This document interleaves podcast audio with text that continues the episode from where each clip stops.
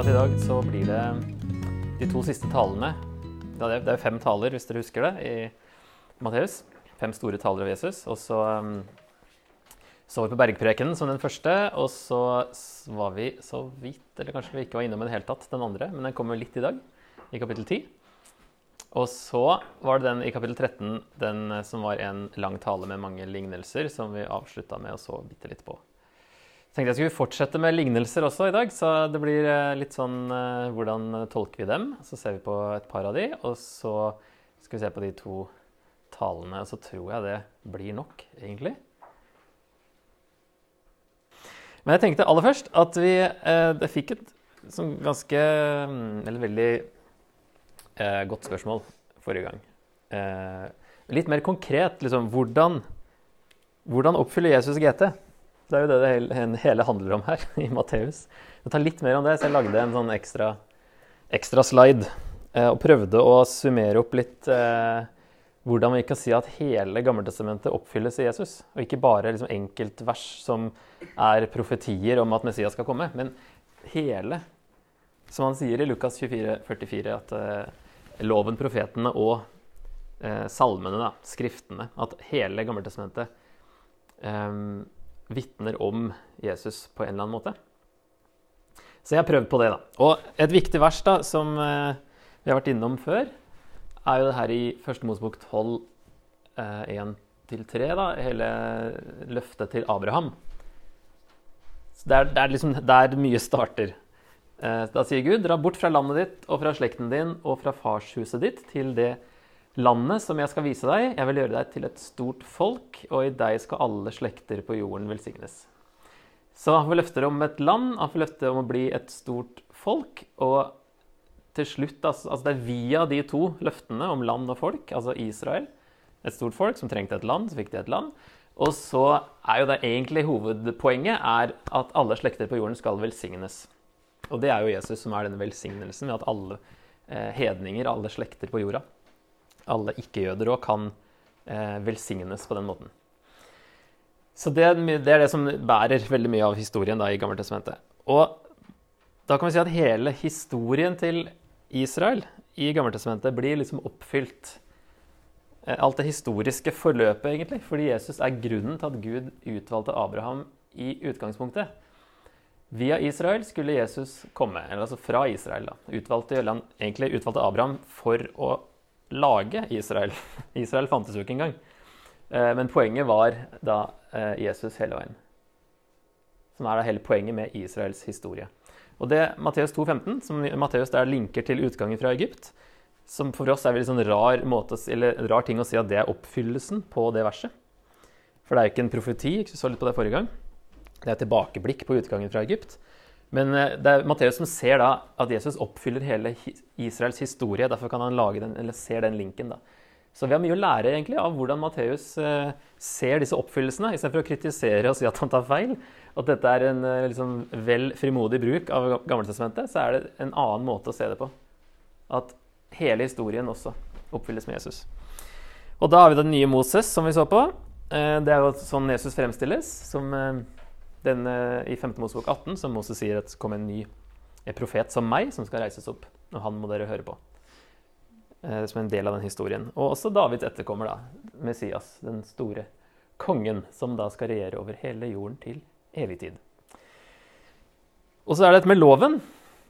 Paulus forklarer det Galaterne 3, at den skulle egentlig bare gjelde fram til løftet til Abraham ble oppfylt. Altså fram til eh, velsignelsen kom. Og det forklarer han som Jesus i Galaterne 3 spesielt. Eh, sånn at loven var i utgangspunktet tidsbegrensa. Og den, skulle, den oppfylles når Jesus kommer. Det det, så når Abrahams løfte oppfylles, så er loven over. Og Da kan vi si at hele loven ble oppfylt når Jesus kom, fordi den skulle bare gjelde fram til Jesus kom.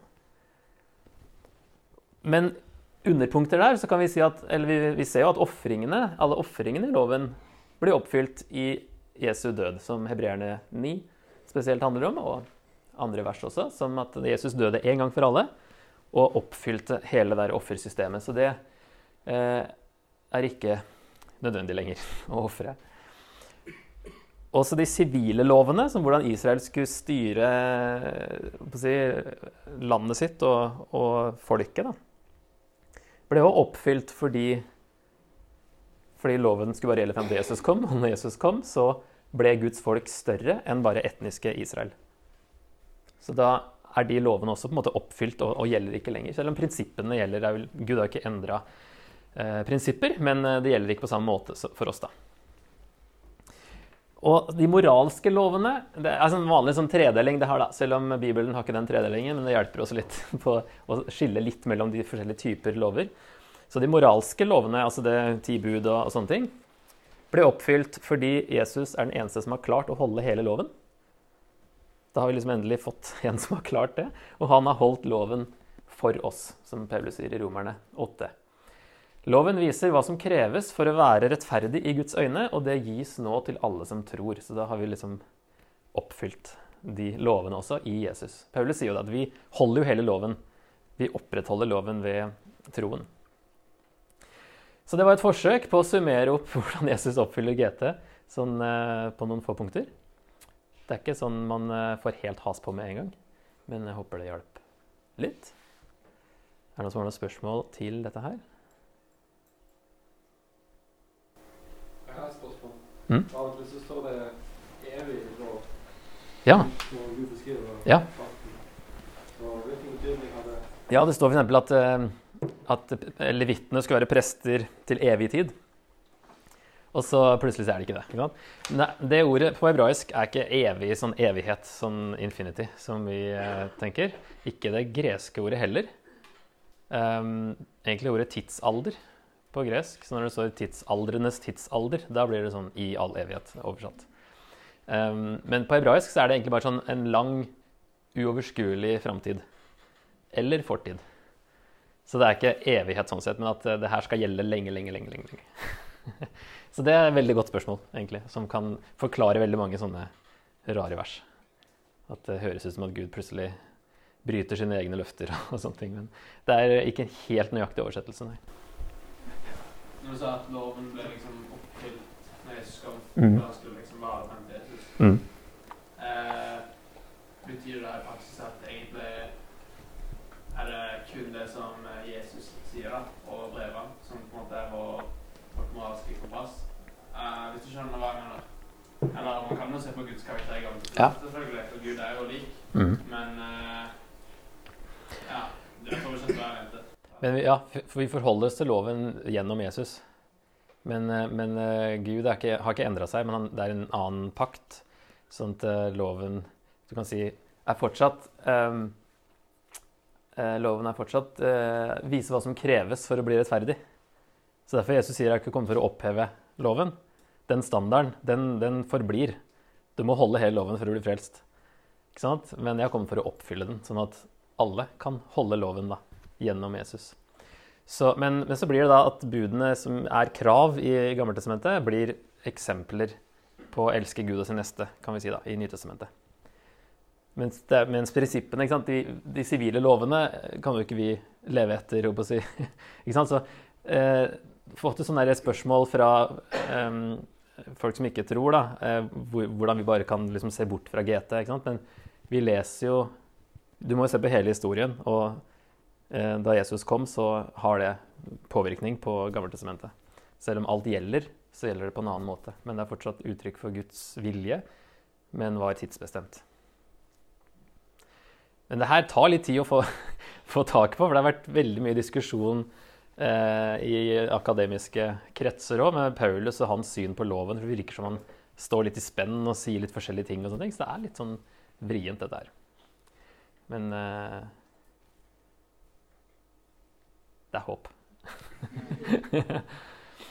da tenkte jeg å se på den eh, i kapittel 18, denne eh, talen, fjerde talen om disippelrelasjoner.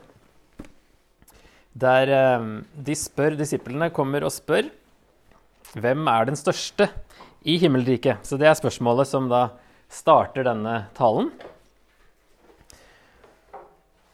Og så står det da at eh, da kalte han til seg et lite barn, stilte det midt iblant dem og sa:" Sannelig, jeg sier dere, uten at dere vender om og blir som barn, kommer dere ikke inn i himmelriket. Den som gjør seg selv liten som dette barnet, han er den største i himmelriket. Så spørsmålet er altså hvem er den største i himmelriket? Jesus svarer den, eh, det er den som gjør seg selv liten. Eh, tidligere sto det 'ydmyker seg', tror jeg. Eller i hvert fall så betyr ordet det. Eh, ydmyker seg som et barn. Og Det er en ganske grei oversettelse. Og gjør seg selv liten som et barn. Eh, veldig sånn typisk Jesus å svare med noe sånn helt motsatt. Den største er den som gjør seg selv liten. um, og et barn altså hva er, hva er, det Jesus mener med å Det er tilfeldigvis noen barn i nærheten som han tar rett av de og låner det, og liksom viser da Gjør det selv liten som et barn. Og det kan jo være mye vi kan tenke på som, som beskriver et barn da, som eh, annerledes enn voksne. Men jeg tror kanskje det Jesus først og fremst tenker på, er det at eh, altså et barn gjør seg ikke liten bevisst, de bare er små. Først og fremst fordi de er avhengige av voksne. Um, altså jeg tror kanskje det er det her med den avhengigheten, at vi må innse at vi ikke kan frelse oss selv. At vi er avhengig av Gud for dette her. Og de som innser det, skjønner det, de er de største i himmelriket. Du må faktisk for i hele tatt komme inn i himmelriket, så må du skjønne det at du må gjøre deg liten. Du må, altså du må være avhengig av Gud. Um, så det handler jo ikke da, Typisk uh, Guds rike er opp ned. det handler ikke om å være størst, det handler om å være minst. Så det er et veldig overraskende svar som snur det på hodet. og bare sånn her, Jeg, jeg syns Guds rike er utrolig. Jeg syns Jesus er kjempekul. Men i svarene Og det her er fascinerende når du tenker over hva det her betyr, eller hva det burde bety i Guds rike. Altså Vi er så vant til å tenke på hvordan bli størst, og på å si ambisjoner og klatring, og så er det da Her er det helt motsatt. Så kanskje Jesus sier da at Sier han kanskje at ingen er størst i himmelriket, siden alle må gjøre seg like små for i det hele tatt å komme inn.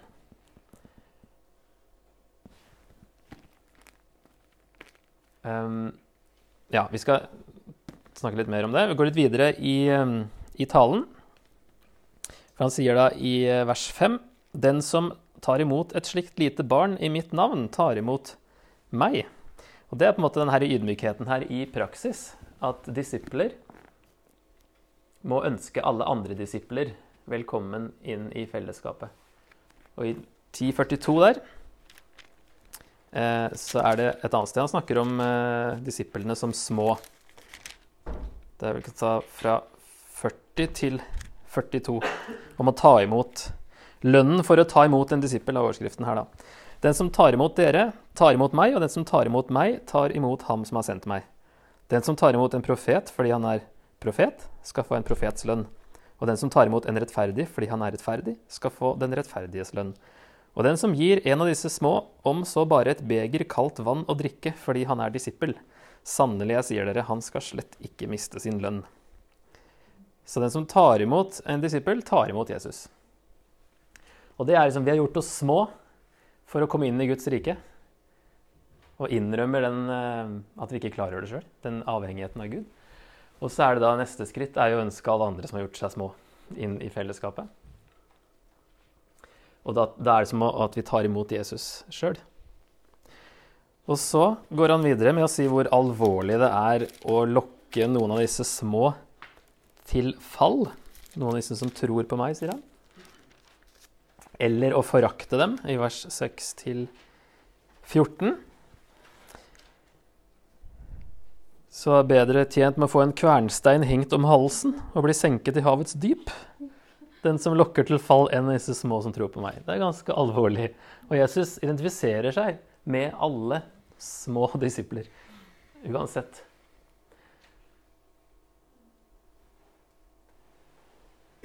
Um, og så er det da, ja, i vers 10.: Pass dere for å forakte en eneste av disse små.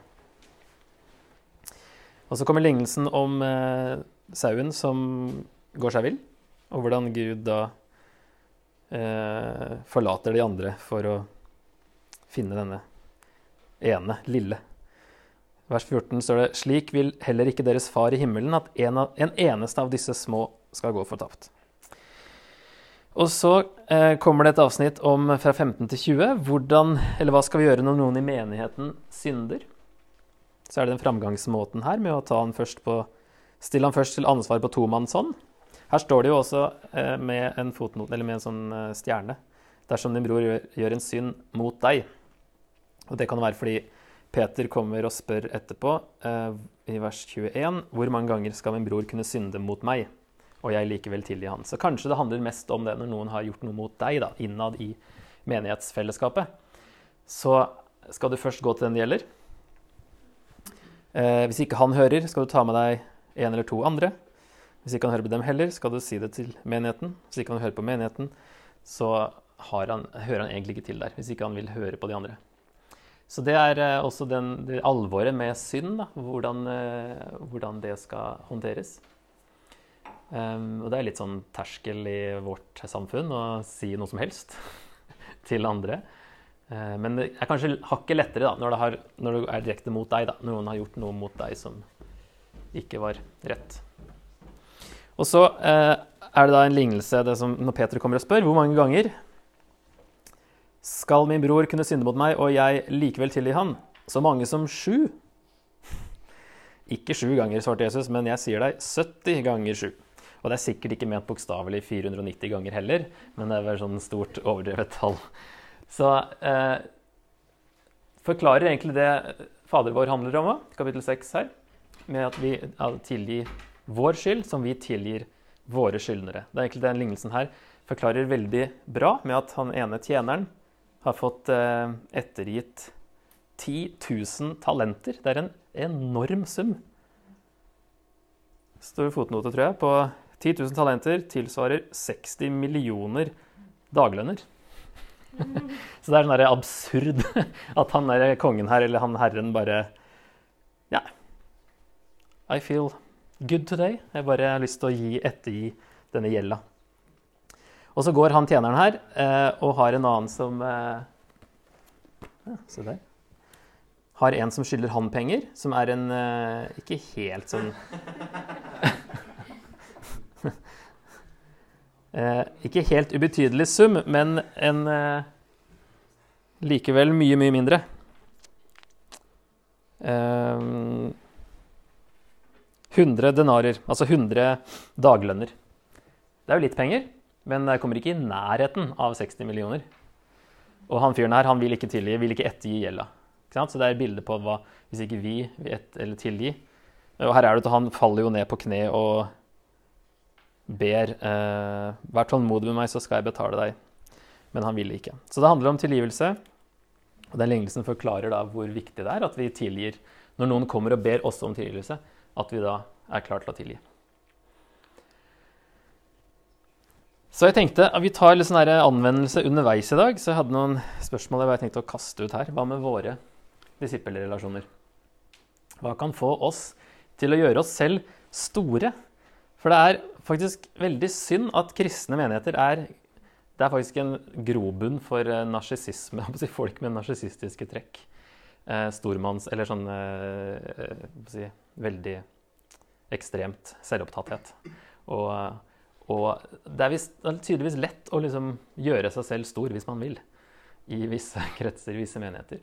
Så det er, liksom, det er så helt motsatt av hva det burde være. Og hva, hva er det som Hva å være litt på vakt? Liksom, hva kan få oss til å gjøre oss selv store når vi skal gjøre oss selv små? Behandler vi andre disipler som, som om de er Jesus selv, eller forskjellsbehandler vi?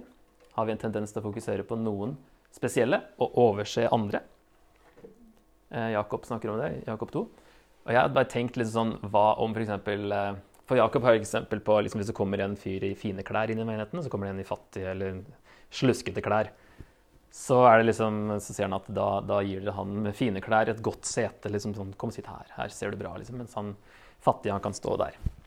Eh, så jeg tenkt på liksom, hva om f.eks. Bono da, kom inn i Salem, f.eks. Hadde det vært noe tilsvarende, hadde liksom alle bare Wow, han er her, og han er kristen. Han må jeg i hvert fall bli kjent med.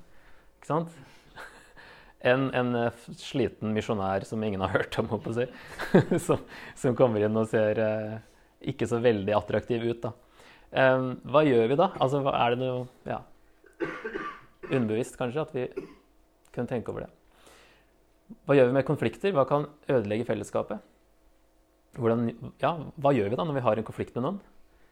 Og er vi klar til å alltid å tilgi når noen ber oss om det? Sum litt om det, som dere sitter. Så kan vi eventuelt høre litt fra dere etterpå. Husker dere hva, eh, hva Jesus sier når han møter eh, eh, Paulus? Når Paulus er på vei til Damaskus og har den omvendelsesopplevelsen sin? Husker du hva Jesus spør om? Hvorfor følger du meg? Hvorfor forfølger du meg? Paulus hadde ikke skjønt det. Han forfulgte de kristne. Men Jesus sier 'hvorfor forfølger du meg'? Det er en så nær uh, identifikasjon. Og det her er faktisk noe av det viktigste.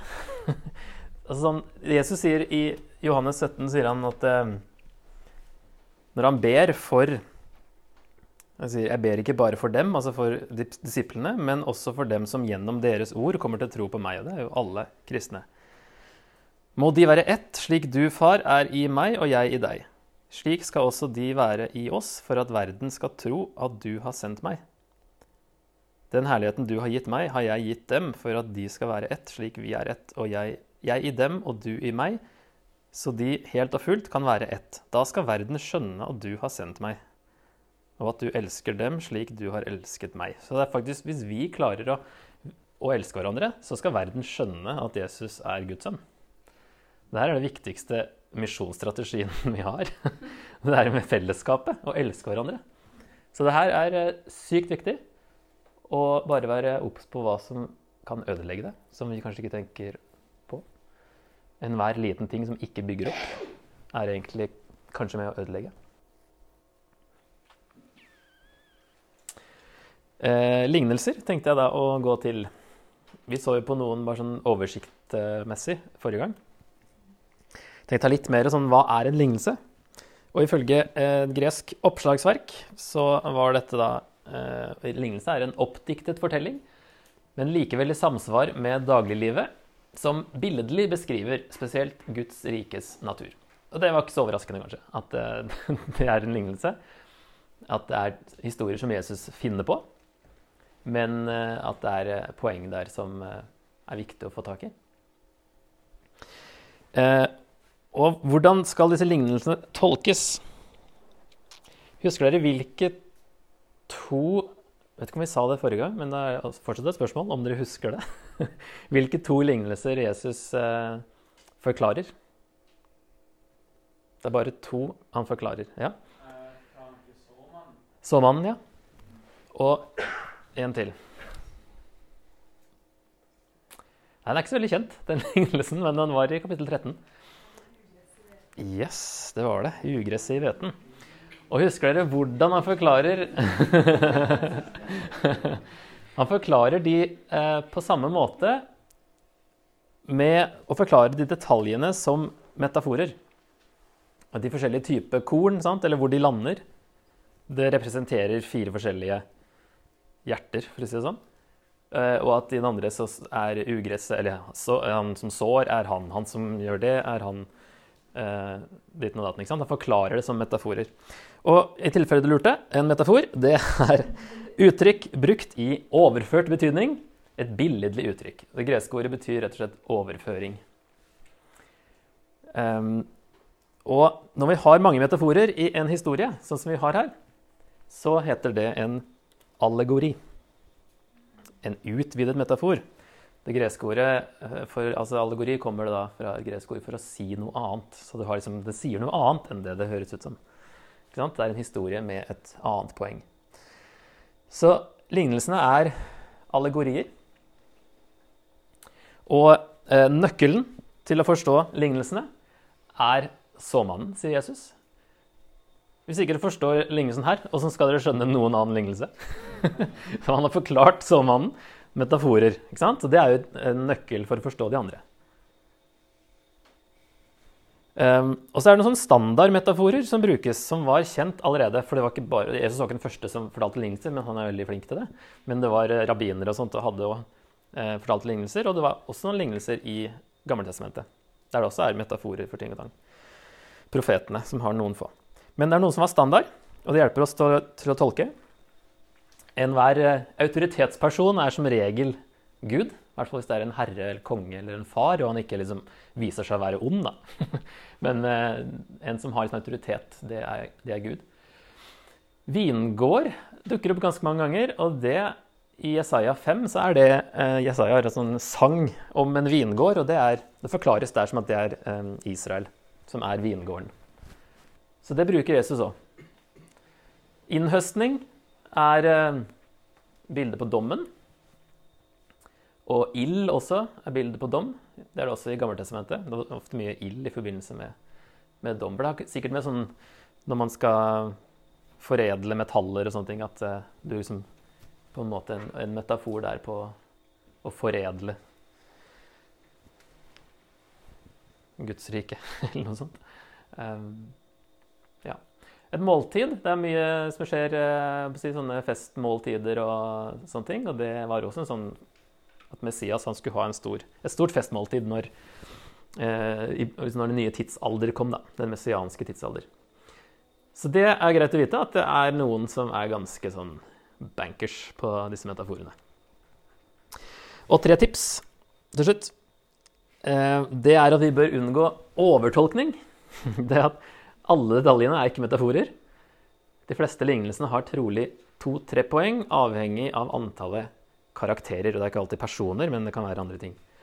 Um, men det er ikke sånn at alle detaljer skal tolkes. Det var noen som dro veldig langt i Oldkirken og fikk liksom at den barmhjertige samaritan Det var Augustin faktisk som tolka den uh, ganske langt, med at um, han, mannen som kommer og forbinder, eller eller hjelper han der eh, stakkaren, han, det var Jesus. Og at han som eide herberget, det var Paulus og sånne ting. Så det det liksom litt Som da de, første, de som hørte lignelsen av Jesus, ikke ville tenke på Paulus. så klart.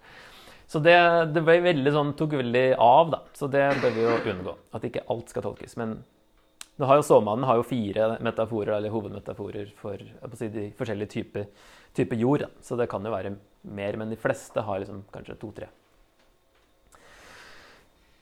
Eh, det må tolkes i lys av konteksten i evangeliene. Det fortelles jo gjerne eh, til noen, som det står, hvem Jesus fortalte den lignelsen til, og hvorfor han plutselig forteller en lignelse. Det er kanskje et spørsmål som har blitt stilt, eller et eller annet, som gjør at han kommer med lignelsen som et svar på noe. Det er veldig nyttig også. Og så må meningen da, som sagt, være noe som publikum ville forstått i sin historiske setting. Sånn at det går ikke an å ha med Paulus som en, eh, i en lignelse der. Men jeg tror lignelsene er ganske sånn generelt om Guds rike, karakter og natur, og at eh, det skal være mulig å Det er jo en lignelse om at, eh, at eh, en sønn av han vingårdseieren dør. Ikke sant? At de vingårdsarbeiderne dreper han. Og det har jo ikke skjedd ennå. Um, det er ikke sikkert så mange skjønte at For jeg skjønte ikke disiplene heller at Jesus skulle dø ikke sant? som Messias. Men, så det har sikkert blitt litt klarere etterpå, men de skjønte likevel poenget med lignelsen. Og det her ble sagt til eh, de religiøse lederne, og det står at de skjønte det. Hva Jesus sa til dem, så de ble veldig sinte. da. At Gud skulle ta Israel fra dem og gi til nye ledere, egentlig. Men det er sikkert noe nytt da, i innholdet i lignelsene når Jesus kommer med lignelser. Så er det da en twist så si, som er ukjent, kanskje. Som uh, har, ingen har snakka om Guds rike på den måten her før. Da rekker vi kanskje bare én lignelse da, før pause, men uh, det er greit, det. Jeg skal se på den her i kapittel 20 om arbeiderne i vingården. Um, konteksten der er faktisk da i forrige kapittel, i kapittel 19. Der um,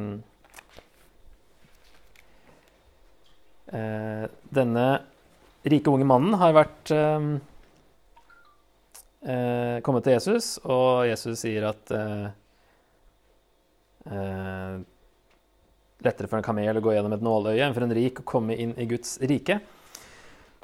Så, eh, så er det Peter da, som, eh, som spør eh, i 1927. Da tok Peter til orde og sa, 'Hva med oss?' Vi har forlatt alt og fulgt deg. Hva skal vi få? så det var liksom, Her har vi han rike mannen da, som ikke vil eh, forlate ting, å si. Men så kom Peter hva med oss?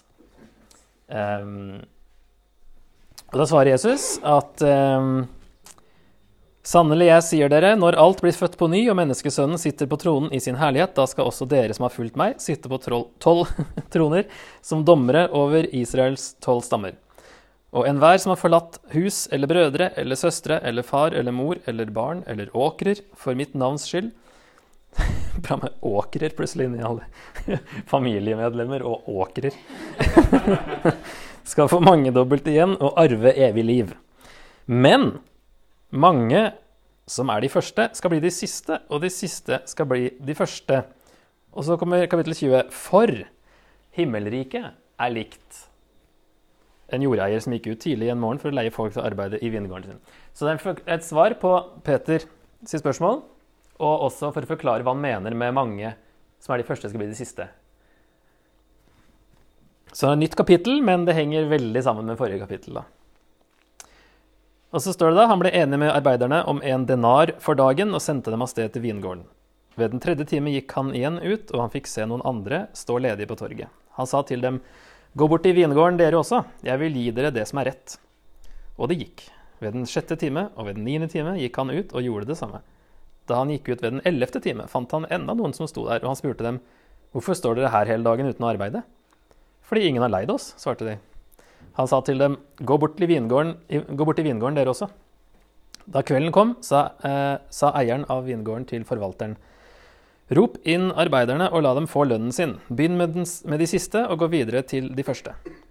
De som var leid ved den ellevte time, kom da og fikk en denar hver. Da de første kom fram, ventet de å få mer, men de fikk også en denar. De tok imot den, men murret mot jordeieren og sa, de som kom sist, har arbeidet bare én time, og du stiller dem likt med oss, vi som har båret dagens byrde og hete. Han vendte seg til en av dem og sa, Venn, jeg gjør deg ikke urett. Ble du ikke enig med meg om en denar? Ta ditt og gå. Men jeg vil gi ham som kom sist, det samme som deg. Har jeg ikke lov til å gjøre som jeg vil med det som er mitt? Eller ser du med onde øyne på at jeg er god? Slik skal de siste bli de første, og de første de siste. Så metaforer her er jo da av disse standardmetaforene. Hva har vi da? Vingård, som er Israel. Og jordeieren her er Gud. Det er i hvert fall to tydelige. Jeg tror ikke forvalteren her trenger å stå for noe mer. At han har en under seg, liksom. Det tror jeg ikke betyr så mye. En denar er en helt vanlig daglønn, så det var et helt uh, fair greie å få en denar for å jobbe der. Overraskelsen er jo at han gir like mye til alle uansett hvor mye de har jobba. Og det er å summeres opp som at på den måten skal de siste bli de første, og de første de siste. Hva er poenget med lignelsen? At du blir en like stor del av Guds rike uansett på hvilket tidspunkt i livet du mm -hmm. velger å bli det. Ja, absolutt. Og for disiplene, og Peter spesielt, som stiller det spørsmålet, hva ville det bety for han, tror du? At de må slite litt lenger, da. Mens ja. Altså, de, disiplene vil ikke få noen fordel av å ha vært med Jesus lengst. De skal få sitte på tolv troner og sånn, det er for så vidt kanskje en fordel, men, men Det blir litt sånn autoritet der. Men utover det så, så er det ikke noe mer å liksom tjene på. De er jo valgt ut til det, da, kanskje av en annen grunn, enn at det er ikke det de som har vært med lengst, får mest. Så det eh, for oss da forventer vi som har jobbet hardt og lenge, at vi skal få noe mer av Gud enn andre som har vært kristne bare en kort tid. Som har med disippelrelasjoner å gjøre, og hvordan ser vi på de som eh, si, er under oss, sånn sett. eh, som akkurat er blitt kommet inn. Eh, hvordan tar vi imot dem, og hva gjør vi med det? Så kanskje det her er en sånn lignelse som da eh, forklarer at det ikke er noe forskjell med forskjellig lønn i himmelen, f.eks. Det er noen vers som høres ut som det, men den lignelsen her høres i hvert fall ikke ut som det. At det er forskjellig lønn. At lønna er å bli med i seg sjøl.